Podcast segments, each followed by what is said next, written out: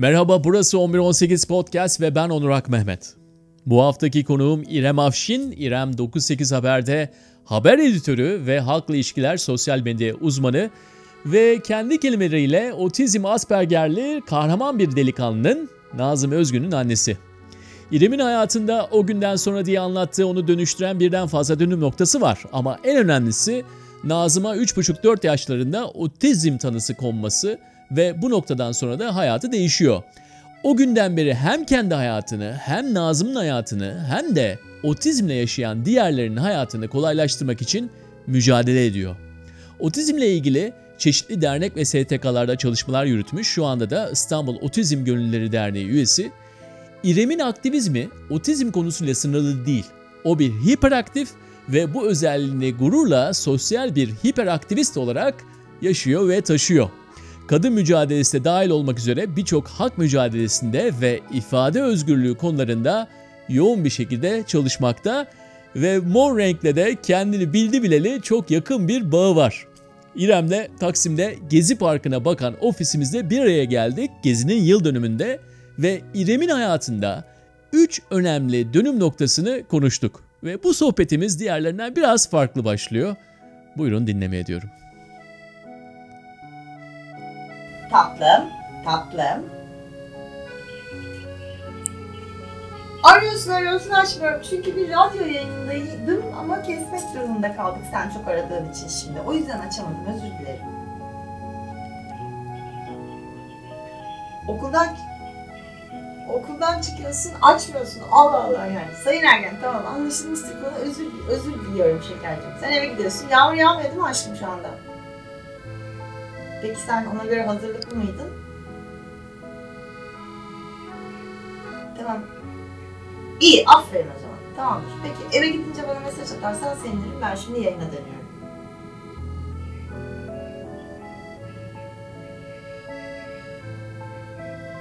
Okey. Okey. Tamam. Bilgisayarların ikisi de evde. Hangisini istiyorsan onu kullan. Tamam. Hadi öpüyorum çok. Bay bay. Çıkıyorum. Seni arıyorum. Telefonu açmıyorsun. Sonra da bana diyorsun ki niye aramadın? Şimdi bazı günler unutuyorum mesela dalıyor otobüse. Ben onu otobüsteyken yakalıyorum. Ee, ve niye aramadın diyorum. Diyor ki yani, haklı olarak diyor ki sonra da diyorsun ki arıyorum açmıyorsun. Bana tamamen haklı gibi geldi. Tamamen haklı. O genelde haklı. Ben buna alıştım. Şimdi e, başınıza böyle bir şey geldiğinde tabii ki bir ebeveyn olarak e, hani şu deminki telefon konuşmasını bana birisi Nazım 4 yaşındayken 5 yaşındayken yani daha otizmli ağır zamanlarında söylemiş olsaydı hadi canım sen de diye dalga geçer güler hatta kızardım. Çok açık söylüyorum. E, çünkü şöyle bir şeye bakıyorsunuz. Bir takım uzmanlar, bir takım doktorlar, e, işte bir takım eğitimciler, konunun bilir kişileri yani. Aile olarak sizin karşınıza geçip diyor ki sizin çocuktan hiçbir şey olmaz. Bunlar konuşmaz. Okula gitmesi çok zor. Kendi yaşıtlarını yapabildiklerini yapması çok zor.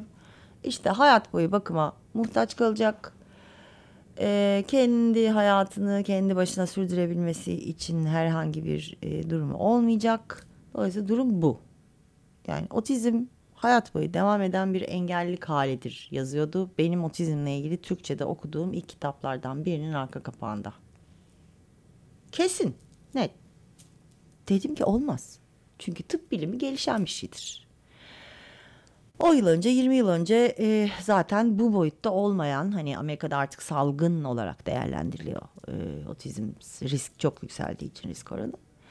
E, 10 yıl önce bu kadar şey de bilinmiyordu. Demek ki dedim 10 yıl sonra daha çok şey biliniyor olacak. Şimdi biz tabii 12-13 sene sonra baktığımda e, gönül rahatlığıyla diyorum ki evet haklıymışım.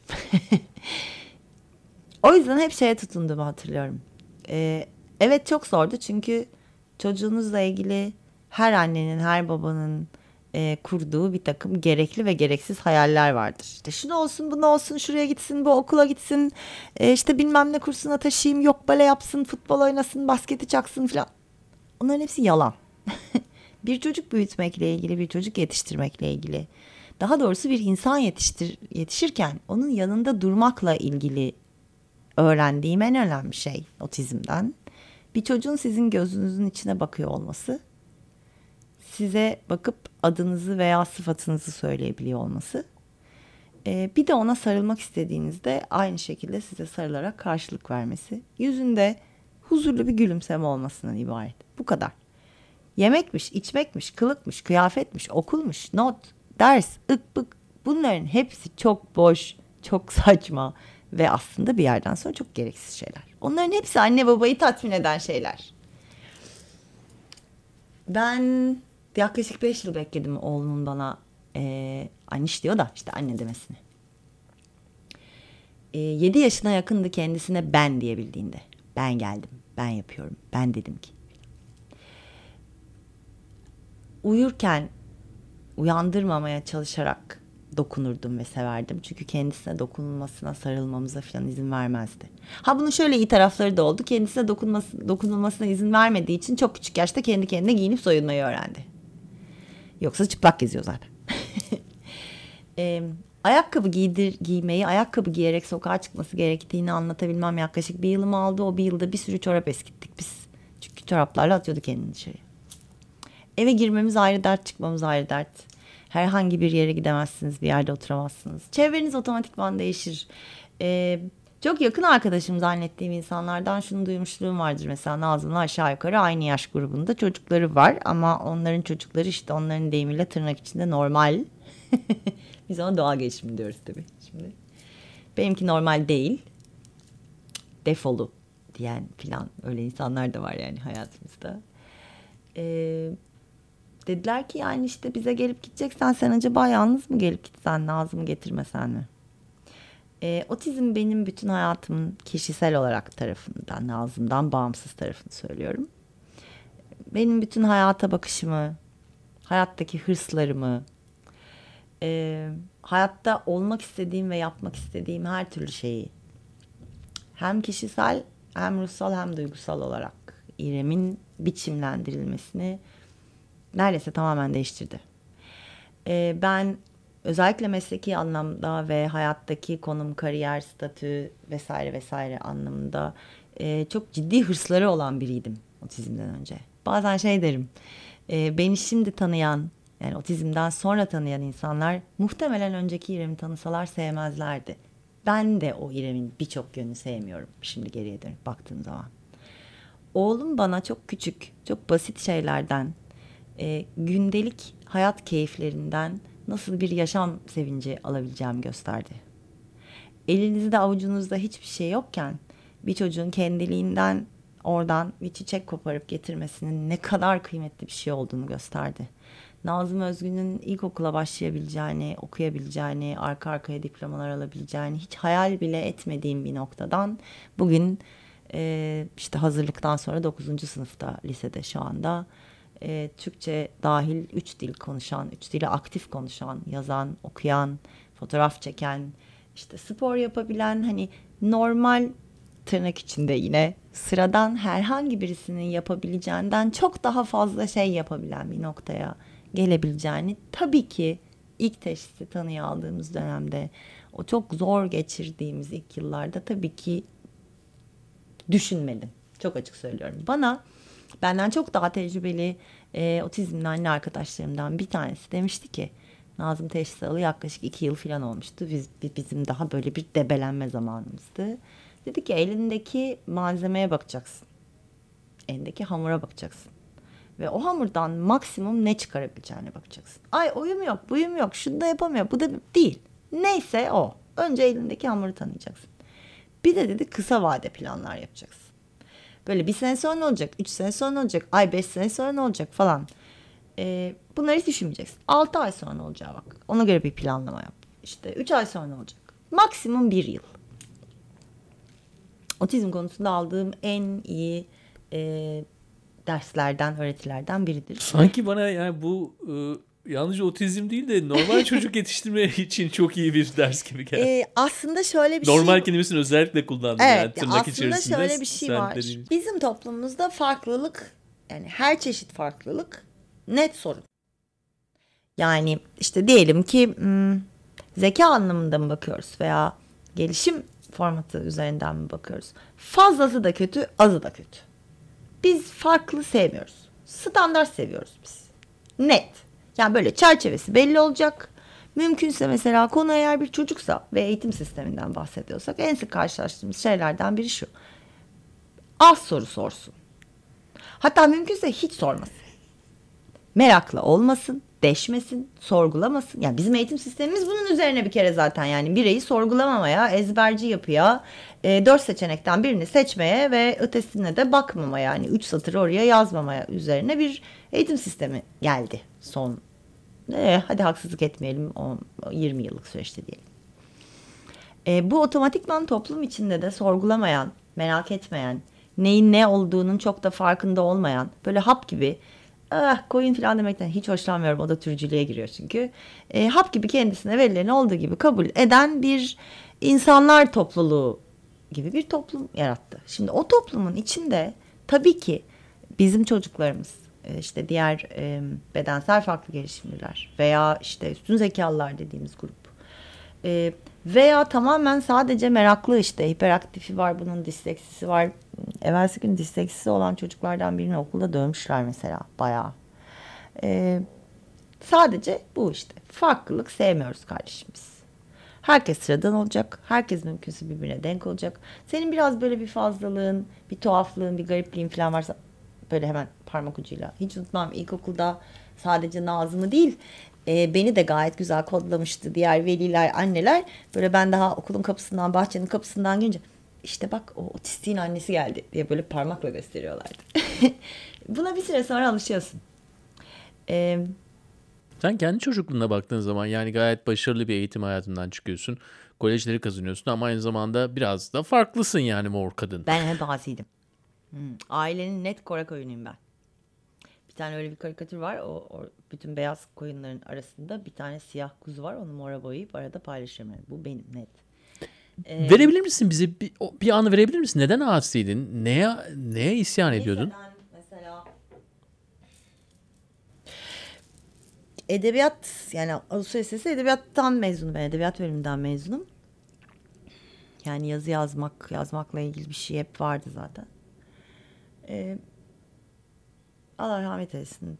Ee, edebiyat öğretmenim lise 1'deydik galiba. Tabii 16 yaşındaydım işte. Ee, bize dedi ki hiç okumadığınız yazarlar listesi vereceğim. İçinden de size göre birilerini seçeceğim. Yaşayan yazarlar bunlar. İşte gideceksiniz. işte önce kitaplarını okuyacaksınız. Sonra gideceksiniz röportaj yapacaksınız. Ee, ben hani bir Fena da bir ödev değil esas hani Tabii çok- biraz ezber çok- bozan böyle. Çok Güzel. key- keyifli. Ee, ben bilmediğimi öğrenmek üzerine kurulu bir e, düşünce yapımı oldum ve öğretmenim de onu bildiği için e, işte becerebilecek olanlara daha farklı daha zor şeyler vereceğim dedi E, ve bana Erdal Özü verdi. 16 yaşındayım. E, yabancı bir kolejde okuyorum. E, ailem de yapı itibariyle siyasi vesaire falan bir aile değil. E, hiçbir şekilde. Net burjuvayım. Hiç. Hani şimdinin o beyaz Türk dediğimiz ı dediğimiz tanımlaması. Ben bunu çok açık yüreklilikle söylüyorum. Gezi'den sonra e, çok yakın e, komünizm felsefesini çok iyi üzümsemiş arkadaşlarımdan bir tanesi sen net düşmüş burjuvasın dedi. Bence evet. Kesinlikle. Burjuvazinin kötü taraflarını fark ederek, öğretiyi bilerek yavaş yavaş uzaklaşmış biriyim ben. Ama o dönem için öyle bir şey geçer değil. Benim için dünya, okul, ev, ailem, ba- bayağı geyik, bayağı kalk gittik okudu. Her şey çok güzel. Ülkede de bir problem yok. E zaten medya belli falan. Böyle. Kitap, şeye gittim. Bir kit- kitapçıya gittim. Ee, Erdal Öz'ün kitaplarını istiyorum dedim. Şimdi böyle bir tıfıl bir kız kızçe o zaman. Kitapçıdaki abi böyle bir baştan aşağı bir süzdü beni. Emin misin dedi. Şimdi ben bilmiyorum ki adam niye böyle tek kaşını kaldırarak baktı falan. Emin dedim ders ödev yapacağım. İyi. İşte, yaralısını aldım. Günün solduğu akşam aldım. Birkaç bir şey daha aldım yani o zamana kadar çıkmış kitaplarından. Günün solduğu akşamla başladım. Deniz gezmiş kim? Hüseyin İnan kim? Darbe nedir? O, o hiç gerçekten bilmiyorsun. Yani bir kulaktan dolma bir şeylerin var tabii. Sonra yarısını okudum ve yarısını bitirmeden randevuyu alıp gittim Erdal Bey'e. yazan adamı görmem lazım. Çünkü hani o kadar farklı ve bilmediğim bir şey anlatıyor ki. Ben sonra bunun yazısını da yazdım. O zaman Can Yayınları Cağaloğlu'nda şimdi valiliğin olduğu yerin hemen karşı köşesindeydi. Böyle eski tarz bir bina. Ee, hiç unutmuyorum tahta böyle gıcırdayan merdivenler. Her tarafta kitap balyaları mis gibi kitap kokuyor ve ben bir kitap aşığıyım. Yani mutlu mutlu gittim ben. Ödev yapacağım. Ee, Erdal abi e, beni böyle karşısına oturttu. E ya işte ne olacak kolejci tıfıl kızca gelmiş ona iki satır bir saat bir şey anlatayım anlatayım göndereyim muamelesi hiç yapmadı. Hangilerini okudun dedi. Ne kadarını anladın dedi. İşte soruların var mı dedi. Var dedim. Biz başladık. O gün 3 saat konuştuk. Sonra hava karardı. Sonra bana dedi ki eve git. Hava karardı. Yarın gene gel dedi. Tamam dedim. Eve gittim. O kadar çok şey an yani şöyle bir şey benim için. Ee, benim belki de gazetecilik, işte sivil toplum, aktivizm, devletle ve sistemle olan kavgamın e, nerede kavga etmem gerektiğini, nerede mücadele etmem gerektiğini başlatan hikayelerden biridir bence Erdal abiyle tanışmış olmam. Çünkü bana karşımda kanlı canlı bir insan yıllar sonra kendisine işkence yapan polisi bir mahkeme çıkışında sadece gözlerinden tanıdığını çünkü kapatırlarmış yüzlerini hiç göstermezlermiş sadece gözünü hatırlar insanlar. İşte uçak kaçırmasından deniz gezmişe hapishane anılarına kadar o kadar gerçek yani karşınızda birisi yaşadığı şeyi anlatıyor. Ee, benim hayatım gerçekten dönüm noktalarından biridir. O günden sonra daha çok merak etmeye başladığımı, daha çok okuduğumu, geriye dönük siyasi tarihe dönük daha çok okuduğumu. Sonrası zaten işte Uğur Mumcu'nun öldürülmesi, e, Madımak Sivas katliamıyla devam eden bir sürecim var benim. Ödevi yazdım. Ama tabii hani kendi içime oraya yazdım 10 sayfadan çok daha fazla şey yazdım. Sonra da biz e, yıllarca hiç hani bırak ben de bırakmadım. O da sağ olsun her zaman aynı şekilde karşıladı. İşte her sene kitap fuarına gittim. E, ölene kadar da her sene öyle devam eden bir ilişkimiz vardı. Aralarda işte yayın evi taşındığında falan gittim yardım ettim. Denizlerle aynı gün vefat etti. Hayatımdaki en enteresan kader yoksa bile var böyle bir şey e, noktasıdır. Ve her sene işte denizleri andığımız gün aynı gün Erdal abi de anarım ve hep yanlarına gittiğini düşünürüm. Yani spiritüel olarak çok doğru olmadığını bilsem de en azından bir ruh buluşmaları olduğunu düşünürüm. Ee, ödevi verdik. 10 gün sonra müdür yardımcısı çağırdı. İremcim bu nedir? Edebiyat dönem ödevi dedim. Ne demek nedir? Türk Ve- müdür mü bu arada? Türk müdür. Şimdi bizim okulda Avusturyalılar müdür olabiliyor. Türkler müdür yardımcısı olabiliyor. Ay dedi müfettiş dedi gelecek haftaya dedi bizim dedi ödev örnek ödevler göster. Hocan da dedi sizin sınıftan 5 ödev. Ben onu almışım bu arada ödevden zaten yani hani o konuda bir problemimiz yok da. Yani işte onluk ödevlerden istedim beş tane getirdi. Bu nedir dedi. Bu dedi böyle komünizm falan anlatıyor bunun içinde dedi. Yok olmaz çok sakıncalı bu dedi. Nasıl gözden çıkmış dedi. Ve biz bir anda kendimizi öğretmenle beraber disiplinde bulduk. Ertesi hafta benim çantamdan Nazım Hikmet şiir kitabı çıktı üstüne. Disiplin süreci bir taraftan devam ediyor yani okul benimle ilgili ne halt etmesi gerektiğini düşünüyor. Çok serttir, sertti. Yani hala sert Ağustos sesi de bizim zamanımızda daha da sertti. Ee, benim adıma hocam savunma yaptı dedik. Yani ben gönderdim. Yani o bir yazar, bir yayın evinin başında ve hani bu çocukların da bunları öğreniyor olması gerekiyor. Çünkü hani ülkenin gerçeği bu. Öyledir, böyledir filan. Üç gün uzaklaştırmayla yırttım ben. Ödevdeki notumun silinmesine hocam izin vermedi. Ona bir kıyametler kopardı. Ee, müfettişe de göstermediler tabii. Haliyle. Nazım Hikmet kitabı da e, o zamanlar sakıncalıydı yoktu. Yani basılmıyordu kitaplar. E, babamın kitaplarından biriydi hatırladığım kadarıyla. Eski basın, bayağı eski basın. E, Memleketimler insan manzaraları. Oğlumun adı Nazım. Yani bilerek koydum. E, bana çok da keyif verir. E, Nazım da Nazım Hikmet şiirleri okuyarak büyüdü.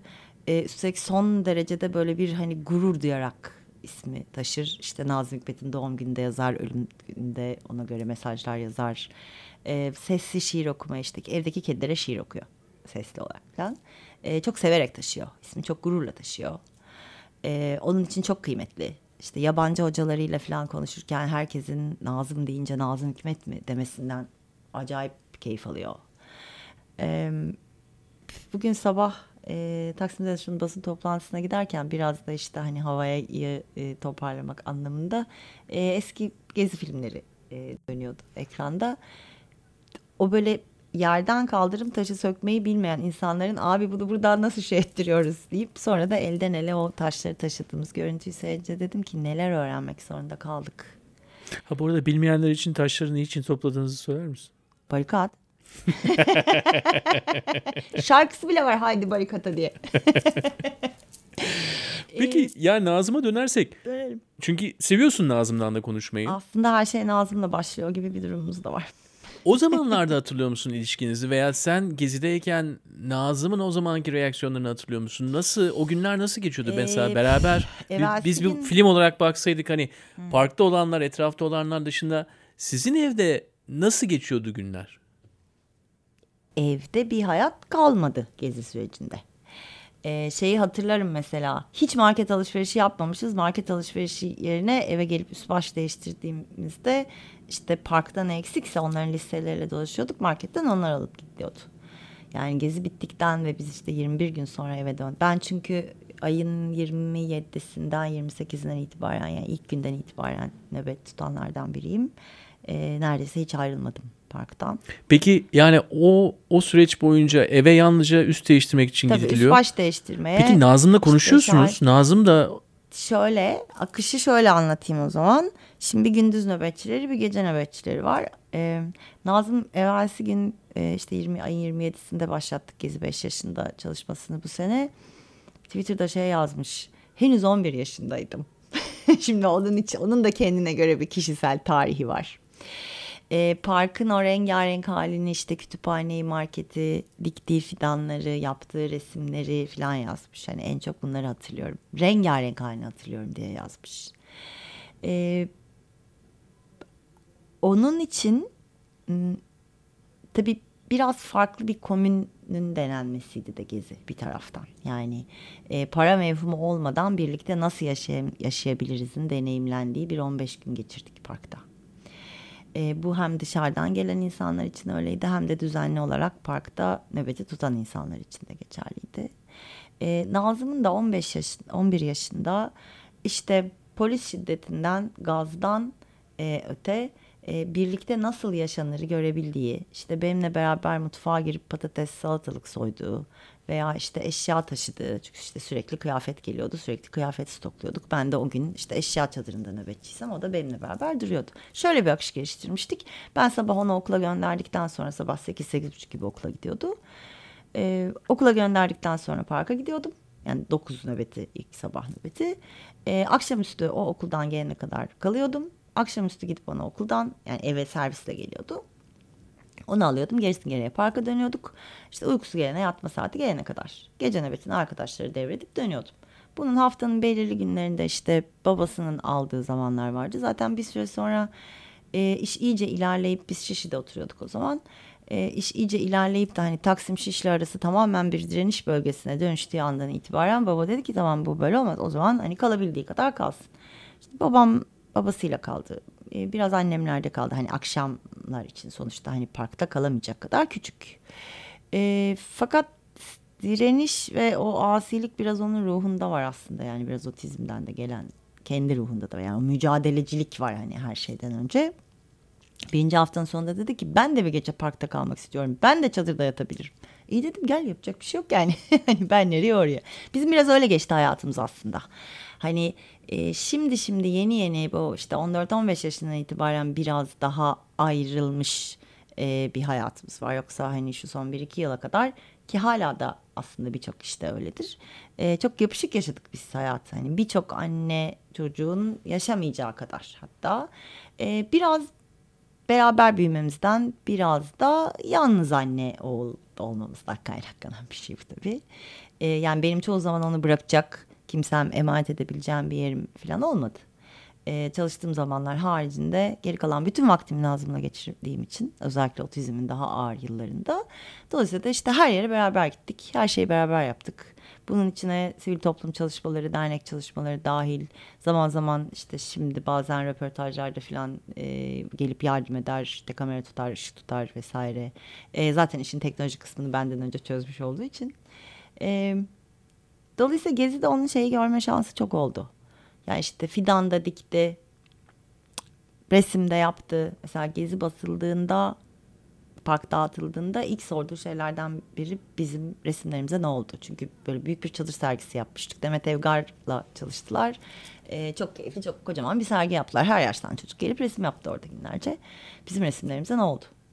Ee, işte kütüphaneyi çok severdi. Evden okuduğu çocuk kitapları dahil olmak üzere bir sürü kitaplar taşındı. Oradan başka kitaplar alındı. Hala bizim evde Gezi'den, Gezi Kütüphanesi'nden kalan kitaplar var. Hani kurtarabildiğimiz o gün parktan. Onun deneyimlemiş olması tabii bana onun bakış açısından da bakabilmeyi getirdi. Ee, insanların o çeşitliliği, o rengarenk hali, işte kandil günü herkesin kandil simiti yiyor olması, e, ateisti, solcusu, komünisti, osu busu herkesi filan. İşte namaz kılınırken solcuların, namaz kılanların etrafında e, bir koruma zinciri oluşturuyor olması veya Ya bunların hepsini sen yaşıyorsun. Ee, Etrafında bizler yaşıyoruz ama aynı zamanda sen Nazım'ın gözünden de bunları yaşıyorsun. Tabii çünkü hani işte fotoğraflara bakardı. Ee, ben eve gittiğimde anlatırdım. Hani o anda orada değilse bile bugün böyle bir şey oldu, bugün böyle bir şey oldu. Mesela ikimizin de çok keyifli hatırladığı onun evde e, o dönem e, beraber olduğum arkadaşımla beraber e, seyrettiği bizim bir anneler zinciri e, gecemiz var. iki gece üst üste.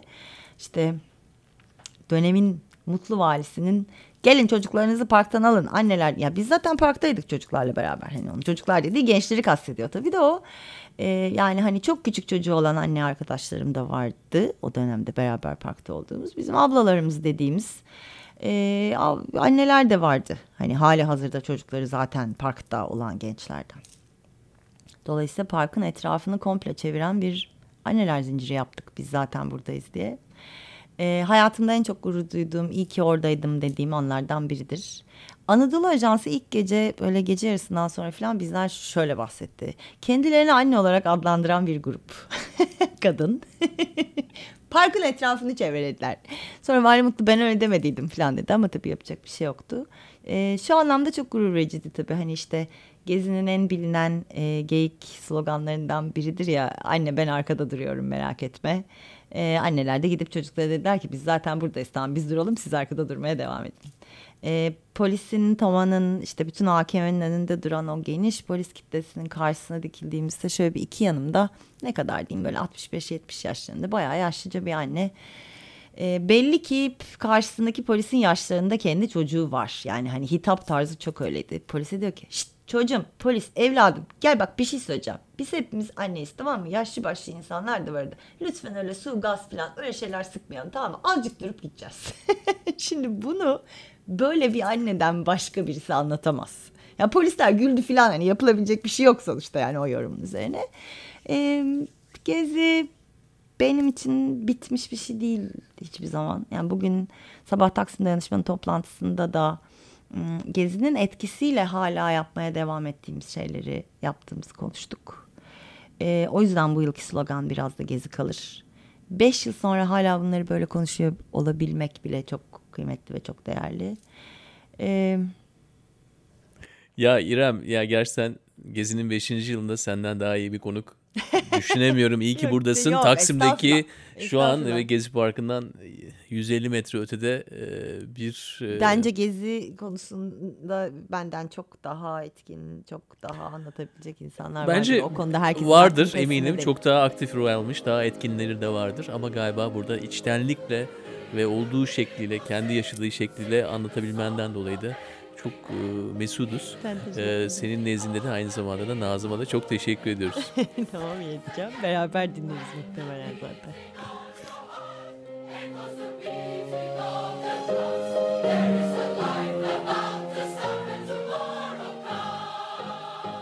İrem Nazım'a çok teşekkürler tekrar bütün ekibimiz adına. Ekibimiz Onur Kocatürk, Berna Kahraman ve ben Onur Akmehmet'ten oluşuyor. Gelecek hafta yeni bir podcast'te yine buradayız. Şimdilik sizi bu şarkıyla baş başa bırakıyorum.